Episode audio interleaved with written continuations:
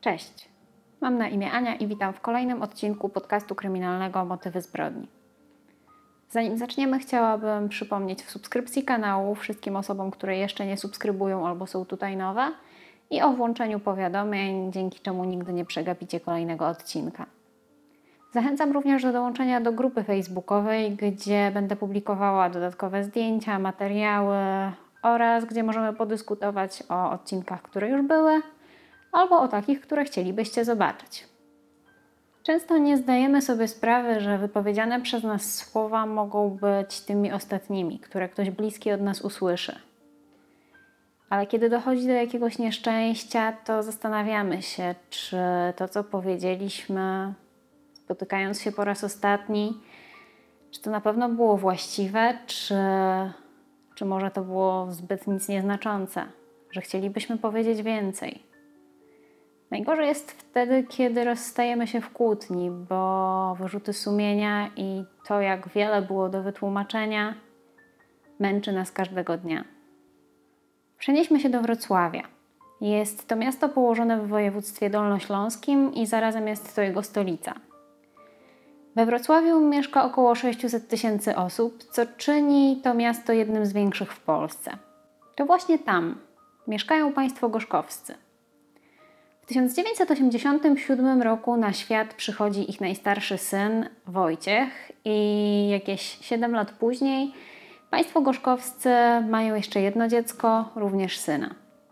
Dzieciństwo Wojtka wydaje się dość sielskie. Mieszka na osiedlu, gdzie przy jednej ulicy jest jeszcze siedmioro innych dzieci, które są w podobnym wieku i które wspólnie się bawią, ciesząc się każdą beztroską chwilą tego najlepszego czasu w życiu. Jedna z koleżanek Wojtka z dzieciństwa wspomina, że z tą grupą dzieci zawsze zbierali się na ulicy i chodzili na pobliskie boisko, aby pograć w piłkę nożną. Mówi, że Wojtek zawsze był dobrym kolegą, zawsze był pozytywny, uśmiechnięty, miał pozytywne podejście do ludzi. I poza tym, że był takim fajnym kolegą, fajnym przyjacielem, zawsze był też bardzo dobrym uczniem. I jego zapał do nauki nie kończył się w podstawówce, bo Wojtek starał się być najlepszy też w gimnazjum, liceum, a nawet na studiach. Chłopak też od dziecka interesuje się sportem. Jeszcze w szkole wchodzi na treningi siatkówki i, i bardzo się przykłada do tego, jak mu to wychodzi. Natomiast kiedy dorasta, dokłada do tego siłownię, aby dbać o sylwetkę. Być może cały ten entuzjazm do sportu został Wojtkowi zaszczepiony przez jego tatę, który był wykwalifikowanym sędzią sportowym, a być może chłopak po prostu sam z siebie lubił tą sportową rywalizację. Jego dość silne zainteresowanie w sporcie było również widoczne w jego sylwetce, która z daleka wyglądała na bardzo wysportowaną. Poza tym, jeśli chodzi o wygląd, Wojtek e, był dość wysoki, miał 185 cm wzrostu, blond włosy, jasne oczy i zawsze nosił taką krótko ostrzyżoną fryzurę. Kiedy chłopak dorósł, w jego życiu pojawiło się jeszcze jedno bardzo mocne zainteresowanie, taka bardzo zajmująca pasja, a mianowicie motoryzacja. Wojtek należał do klubu Audi Polska i był też jednym z takich bardziej udzielających się uczestników ich forum. Wojtek również jest posiadaczem samochodu tej marki, a mianowicie jest to Audi 200 z 1989 roku. I chłopak jest e, bardzo oddany temu, aby dbać o ten samochód, ulepszać go, naprawiać, aby przywrócić mu tą dawną świetność, ponieważ jak sam pisze na, na tym motoryzacyjnym forum, auto nie jest w takim stanie, jakby sobie tego życzył, ale cieszy się, że mógł spełnić to marzenie, że mógł kupić ten konkretnie samochód i nie ma absolutnie żadnego problemu z tym, aby zakazać rękawy, wziąć się do pracy i doprowadzić ten samochód do takiego stanu, w jakim chciałby go widzieć. W 2007 roku rodzina państwa Gorzkowskich jest zmuszona do przeprowadzki. Muszą się wyprowadzić z Wrocławia do położonego nieopodal miasteczka Długołęka. 15 grudnia 2007 roku w domu w Długołęce dochodzi do kłótni między Wojtkiem i jego ojcem. Kłótnia zaczyna się o dość błahą rzecz, ponieważ chodzi o odebranie młodszego brata Wojtka z turnieju, ale później zahacza też o jakieś takie zwykłe, codzienne rzeczy, które praktycznie na co dzień nie mają znaczenia, natomiast kiedy się kłócimy, często wypominamy sobie jakieś niepotrzebne, dodatkowe rzeczy. I ostatecznie kłótnia przechodzi w taką sprzeczkę o całokształt, powiedzmy. Wzburzony chłopak e, rzuca jeszcze po, po tej nieprzyjemnej wymianie zdań trzy słowa, a mianowicie mówi: Jadę przed siebie, po czym bierze kluczyki do swojego samochodu i zaczyna kierować się w stronę wyjścia z domu. Ojciec odpowiada jeszcze wychodzącemu synowi takimi słowami: Czy znajdziesz miejsce, gdzie bardziej cię szanują, gdzie bardziej cię kochają? I na tym właściwie ta kłótnia się kończy. Wojtek wychodzi z domu, wsiada do swojego samochodu i jest około godziny 18, kiedy oddala się w kierunku Wrocławia. Wojtek był wtedy ubrany w spodnie jeansowe, białe buty Nike i czarną kurtkę. Około godziny 19 Wojtek jest widziany w centrum handlowym Korona we Wrocławiu, gdzie próbuje odebrać telefon, który tego samego dnia zakupił ze swoją mamą. Z jakiegoś powodu nie mógł go odebrać wcześniej i próbował to zrobić właśnie wieczorem o godzinie 19. Następnie Wojtek wysyła jeszcze dwa SMS-y do swoich znajomych. E, pierwszy do koleżanki z Wrocławia, która studiowała już w Krakowie, a drugiego SMS-a wysyła do kolegi, z którym miał się tego wieczora spotkać na bilard, z pytaniem, czy w ogóle planują się spotkać i gdzie takie spotkanie miałoby nastąpić. Około godziny 21 telefon Wojtka przestaje odpowiadać. Istnieją dwie możliwości, że albo sam go wyłączył, albo padła mu bateria. Tutaj ta informacja nie została nigdzie potwierdzona, jak było naprawdę z tym telefonem. Około godziny 22.50 e, na stacji benzynowej niedaleko Długołęki dochodzi do pewnego zdarzenia. A mianowicie dochodzi do kradzieży paliwa na kwotę około 150 zł. I teraz prawdopodobnie się zastanawiacie, jaki to może mieć związek z omawianą dzisiaj sprawą, a, a mianowicie nagrania monitoringu na tej stacji benzynowej zarejestrowały samochód i osobę, która tej kradzieży dokonała i bardzo łatwo było rozpoznać, że samochód ten był samochodem należącym do Wojtka Gorzkowskiego. Takich samochodów w tym czasie nie było bardzo dużo. Poza tym samochód był dość dobrze udokumentowany na różnego rodzaju zdjęciach publikowanych przez Wojtka w internecie. Miał jakieś powiedzmy znaki szczególne, więc nie było ciężko osobom, które zdjęcia samochodu Wojtka widziały, zorientować się, że to było to auto. Nagrania z monitoringu uchwyciły również osobę, która dokonała tej kradzieży. Osoba ta używała samochodu w taki sposób, jak używamy go normalnie, czyli posługiwała się kluczykiem. Auto nie wyglądało, jakby było w jakiś sposób uszkodzone i nie wyglądało też, jakby było ukradzione. Eee, co ciekawe, samochód ten miał zdjęte tablice rejestracyjne i tutaj możemy zadać sobie pytanie, czy jeżeli osobą, która dokonała tej kradzieży był Wojtek, to tak, faktycznie mogłoby mu zależeć na tym, aby nikt tak łatwo nie rozpoznał, że to był on. Natomiast jeśli ktoś by ukradł ten samochód, bo z tego co wiemy o Wojtku, on był raczej taką osobą odpowiedzialną, ułożoną, więc ciężko stwierdzić, czy co mogłoby go popchnąć do kradzieży paliwa tak naprawdę. A jeśli ktoś ukradł jego samochód, to dlaczego miałby zadawać sobie trud zdejmowania tych tablic rejestracyjnych, ponieważ no, auto nie byłoby zarejestrowane na tą osobę, więc dlaczego? E, w programie Ktokolwiek widział, ktokolwiek wie, albo też w internecie jest mnóstwo screenów z tego nagrania z monitoringu, gdzie można zobaczyć osobę, która dokonuje tej kradzieży. Ja mam te screeny również zamieszczę na Facebooku, żebyście sami mogli rzucić na to okiem. Są ludzie, którzy twierdzą, że osoba na nagraniu absolutnie do Wojtka podobna nie jest. Obraz jest bardzo zniekształcony i jest bardzo złej jakości, więc ciężko tak naprawdę rozpoznać, kim ta osoba mogła być. Na nagraniu widać mężczyznę średniego wzrostu, ubranego w spodnie jeansowe i coś w rodzaju swetra bądź bluzy w paski. E, mężczyzna nie wygląda jakby był wysportowany, co tutaj jest e, taką rzeczą, która odsuwa nas od, od pomysłu, że mógł to być Wojtek. I niektóre osoby również e, widzą na siedzeniu pasażera jeszcze kogoś, kobietę mianowicie. Natomiast ciężko tutaj to stwierdzić, ponieważ jedyne co tak naprawdę jest tam widoczne, to jest biała plama, więc możemy się dopatrywać i, i szukać tam osoby.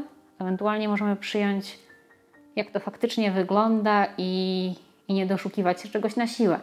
Ale sami będziecie mieli szansę ocenić, co wy tam widzicie.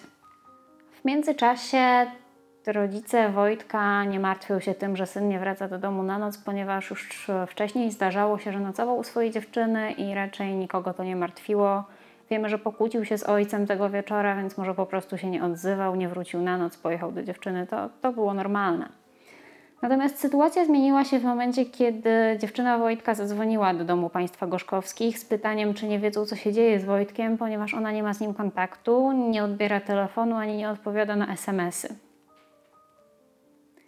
W tym momencie do rodziców e, doszło, że być może wydarzyło się coś złego, skoro ich syn nie pojawił się ani w domu, ani u swojej dziewczyny. Nie miał przecież powodu, żeby nie kontaktować się ze znajomymi, dziewczyną, bo kłótnia, do której doszło, była tylko i wyłącznie w ramach powiedzmy rodzinnej sprzeczki, więc jedyną osobą, z którą mógłby nie mieć ochoty się kontaktować, byłby jego ojciec. Rozpoczynają się poszukiwania Wojtka i do tych poszukiwań bardzo mocno przyłączają się jego koledzy z Audi Club Polska. Pierwsza rzecz, jaką robią, to jest rozsyłanie e, wiadomości na różnego rodzaju motoryzacyjnych forach internetowych na temat tego, że zaginął jeden z nich z opisem, ze zdjęciami Wojtka. A oczywiście podają również jego nick na tym forum, który brzmiał Ciechwoj. I, no i tutaj rozpoczynają te poszukiwania od takiego zaangażowania w internecie, natomiast to nie jest wszystko, ponieważ e, robią plakaty, drukują te plakaty, rozwieszają w różnych miastach. Szukają również samochodu Wojtka, być może ktoś gdzieś go widział. Najbardziej zaangażowane są tutaj też te osoby z Wrocławia, natomiast osoby z innych miast również się rozglądają. Pytają taksówkarzy, pytają różnych ludzi, rozwieszają te plakaty, szukają wszędzie, pomagają jak tylko mogą. Takie wpisy na forach internetowych do dzisiaj gdzieś można znaleźć, mimo że był to 2007 rok. I postaram się Wam wkleić takie linki, żebyście też mogli zobaczyć, jak to mniej więcej wyglądało. Kolejną taką rzeczą jest to, że osoby, które mieszkały na terenie Wrocławia bądź nieopodal tego miasta, jeździły w poszukiwaniu samochodu Wojtka po parkingach, po ulicach, pytały ludzi. I, I tak naprawdę sprawdzali też każdy trop, każdą jakąś informację, że ktoś gdzieś to auto mógł widzieć. Starali się tam być na miejscu w sekundę i, i, i sprawdzać, czy, czy informacja jest prawdziwa, czy nie. Taka informacja również dotarła w pewnym momencie, natomiast było trochę za późno. 19 grudnia 2007 roku, czyli dokładnie 4 dni od zaginięcia Wojtka, e, jedna z osób będąca członkiem tego, tego forum motoryzacyjnego, tej grupy, powiedziała, że widziała samochód, który najprawdopodobniej był samochodem Wojtka. Tutaj jeszcze trzeba e, dodać, już mówiłam, że było to dość unikalne auto jak na tamte czasy. Ale dodatkowa rzecz jest taka, że ten samochód miał charakterystyczną naklejkę z tyłu na szybie, więc osoby, które widziały jego zdjęcia, dość łatwo by ten samochód rozpoznały. Mężczyzna ten widział samochód e, Wojtka, najprawdopodobniej twierdził na 99%, że jest pewien, że to jest to auto, zaparkowane przy ulicy Długiej we Wrocławiu. E, później jeszcze ojciec Wojtka sprostował, że to nie była dokładnie ulica Długa, tylko ulica Litomska, która z ulicą Długą się łączy. Jednak mężczyzna ten 19, kiedy to auto zobaczył, nie wiedział jeszcze o zaginięciu Wojtka, więc nie zgłosił się od razu, a kiedy ludzie z tej grupy motoryzacyjnej pojechali na ulicę Długą, Litomską, aby sprawdzić, czy to auto tam jest, samochodu już nie było. Tutaj takim punktem, który jeszcze miałby potwierdzać, że to był samochód Wojtka, był fakt, że auto to nie miało tablic rejestracyjnych, było zaparkowane bez numerów rejestracyjnych. A, no i tutaj fakt, że to auto już nie było tam zaparkowane, jednak e, w jakiś, w jakiś sposób e, ruszył osoby z tej grupy motoryzacyjnej i na forum zamieszczono taką informację i oraz poproszono osoby z Wrocławia, aby raz na jakiś czas odwiedzały to miejsce, tą okolicę ulicy Długiej, aby sprawdzić, bo może któregoś dnia to auto znowu się tam pojawi i dzięki temu będą w stanie je odnaleźć. Poza tym, że tak naprawdę wszyscy z okolic Wrocławia monitorowali miasto, wozili plakaty na tylnych szybach swoich samochodów, to rozmawiali również z ludźmi, którzy pracują w pomocy drogowej, pytali, czy nikt takiego auta nie holował, być może doszło do jakiejś kolizji i ktoś mógłby coś na ten temat wiedzieć. Tak naprawdę mnóstwo osób szukało w tym czasie Wojtka. E, bardzo wiele osób z tej społeczności motoryzacyjnej, mimo tego, że część z nich nawet go nie znała, to mieli wspólną pasję, należeli do jednej społeczności, więc wszyscy starali się jakoś pomóc. Jedną z takich teorii, która również się w tamtym czasie pojawiła, była teoria o tym, że Wojtek mógł z jakiegoś powodu wyjechać do Wielkiej Brytanii.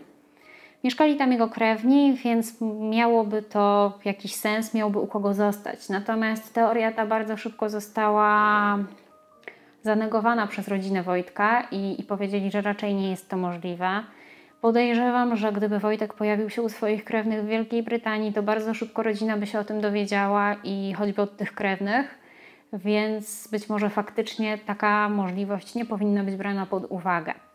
Oczywiście zostały sprawdzone listy pasażerów e, na loty, które w tamtym czasie odbywały się z, z Wrocławia do Wielkiej Brytanii i Wojtka na liście takich pasażerów nie było co też tutaj przemawia za tym, że raczej nie wyjechał. Oczywiście mógł wybrać inny środek transportu, taki jak autokar, natomiast policja sprawdzała tą możliwość i, i tutaj też Wojtek nigdzie się nie pojawił. Niedługo po tym doszło w sprawie zaginięcia Wojtka do niewielkiego przełomu. Pod koniec stycznia 2008 roku udało się odnaleźć samochód Wojtka we Wrocławiu. Samochód stał zaparkowany jak gdyby nigdy nic przy ulicy Ścinawskiej, tuż obok muru jednostki wojskowej, między kortami tenisowymi.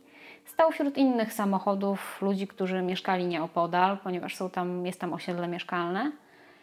A wyglądał zupełnie normalnie, był zamknięty. Jedyną taką rzeczą, która mogła się gdzieś tam rzucać w oczy, było to, że szyberdach był niedomknięty i auto miało niewielkie uszkodzenie. Na tylnym zderzaku było przyrysowane i miało stłuczoną tylną lampę. Tak jak wspominałam, samochód był zamknięty. Zamki w samochodzie na pierwszy rzut oka absolutnie nie były uszkodzone. W środku tego samochodu też nie było żadnego bałaganu. Po prostu to auto stało zaparkowane, jakby jego właściciel wysiadł z niego i gdzieś sobie poszedł. Auto zostało odnalezione przez dzielnicowego, który doszedł do wniosku, że ten samochód nie pasuje mu za bardzo do krajobrazu, więc postanowił się tym zainteresować i no i słusznie. Ze względu na to, że okazało się, że to właśnie był samochód zaginionego Wojtka, auto zostało odholowane na parking policyjny. E, okazało się również, że jest świadek, który widział, kiedy ten samochód został porzucony i przez kogo został porzucony. A mianowicie osoba, która zeznawała w sprawie tego samochodu, twierdzi, że auto zostało porzucone w pierwszy weekend stycznia 2008 roku.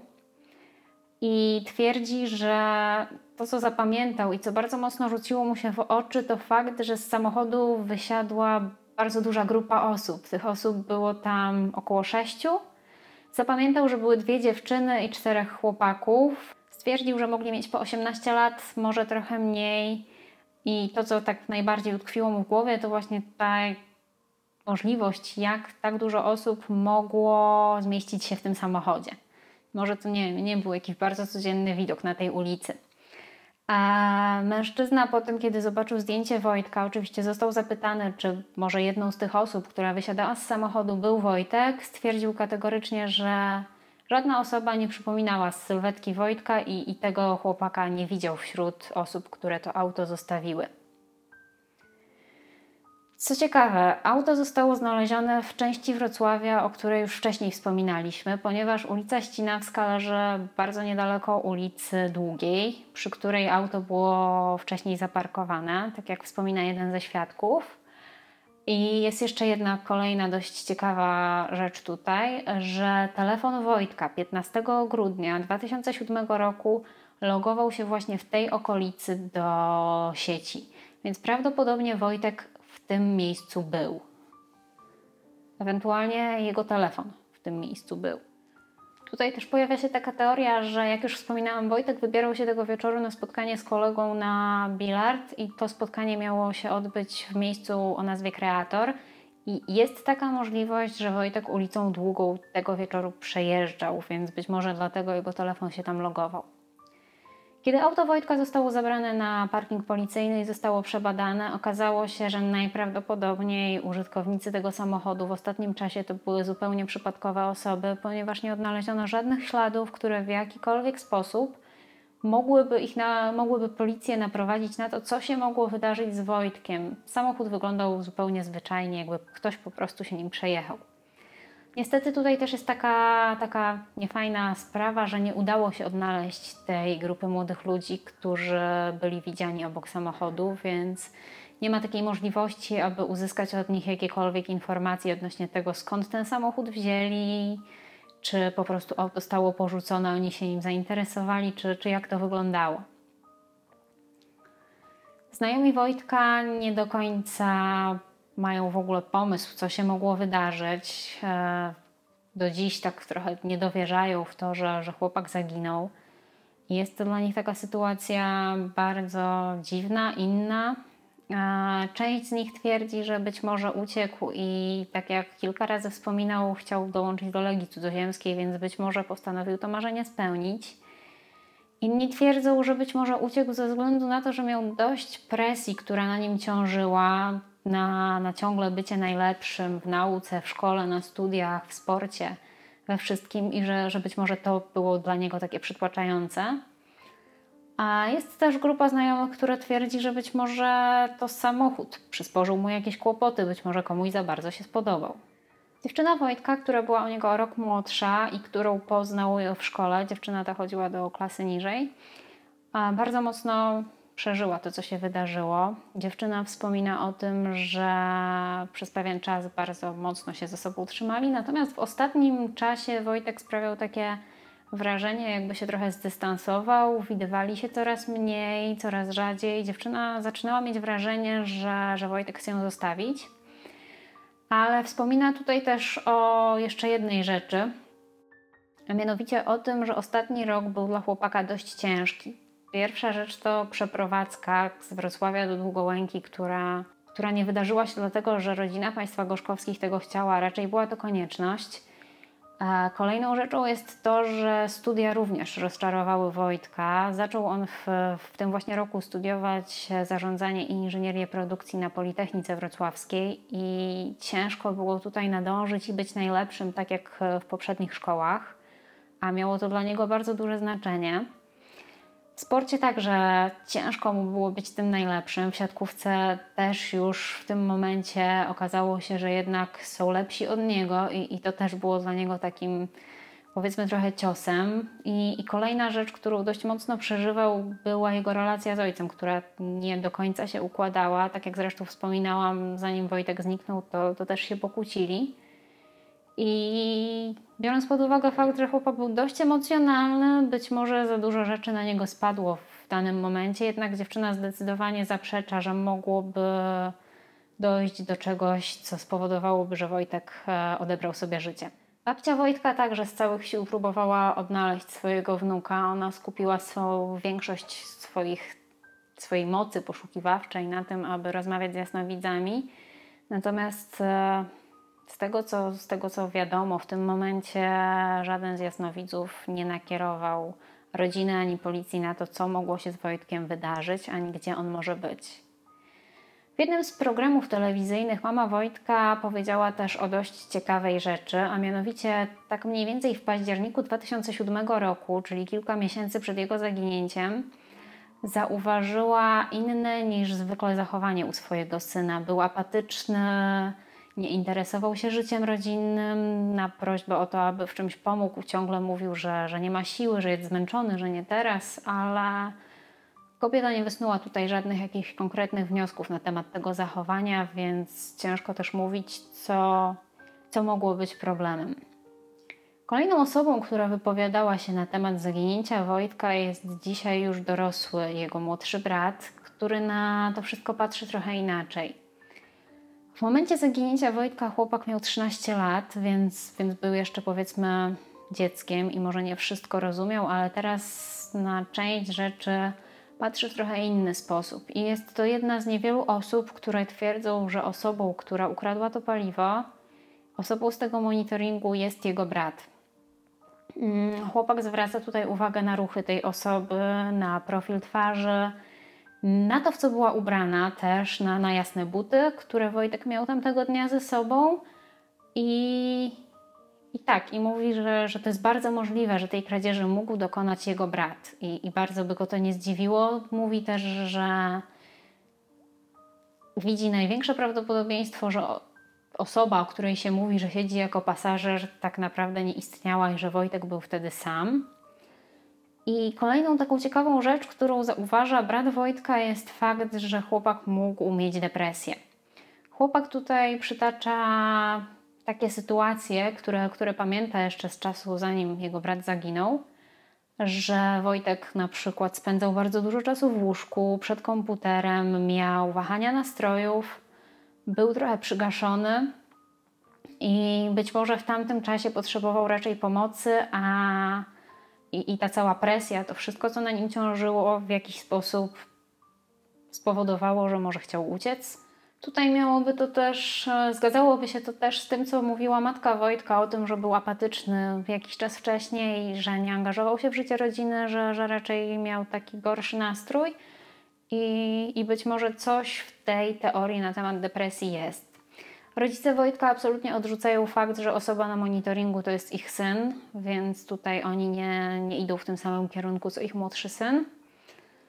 A i tak właściwie historia Wojtka Gorzkowskiego do dziś jest nierozwiązana, do dziś nie wiadomo, co się z nim wydarzyło. Nikt go nie widział, nie ma absolutnie żadnych tropów, które mówiłyby, że ktoś gdzieś za granicą w Polsce widział osobę przypominającą Wojtka. A tak jak wspominałam, nie udało się też odnaleźć tych osób, które użytkowały jego samochód. Być może one mogłyby wnieść coś więcej do tej sprawy i powiedzieć chociaż, czy gdzie ten samochód znalazły, co, co by w jakiś sposób pomogło chociaż nakreślić, gdzie Wojtek mógł być w ostatniej chwili. Dziękuję za wysłuchanie historii do końca. Mam nadzieję, że Wam się podobało. Jeśli tak, to pamiętajcie o łapce w górę, dzięki czemu więcej osób będzie mogło zobaczyć ten film. I dajcie znać w komentarzach, czy kiedykolwiek słyszeliście o historii zaginięcia Wojtka Gorzkowskiego, czy znacie jakieś inne teorie na temat tej sprawy, czy wiecie coś, o czym tutaj nie wspomniałam. Jeśli tak, to proszę podzielcie się tym w komentarzach bądź na Facebooku. Bardzo chętnie na pewno wszyscy się o tym dowiemy. I cóż, kochani, dziękuję jeszcze raz za obejrzenie. Dbajcie o siebie. Cześć.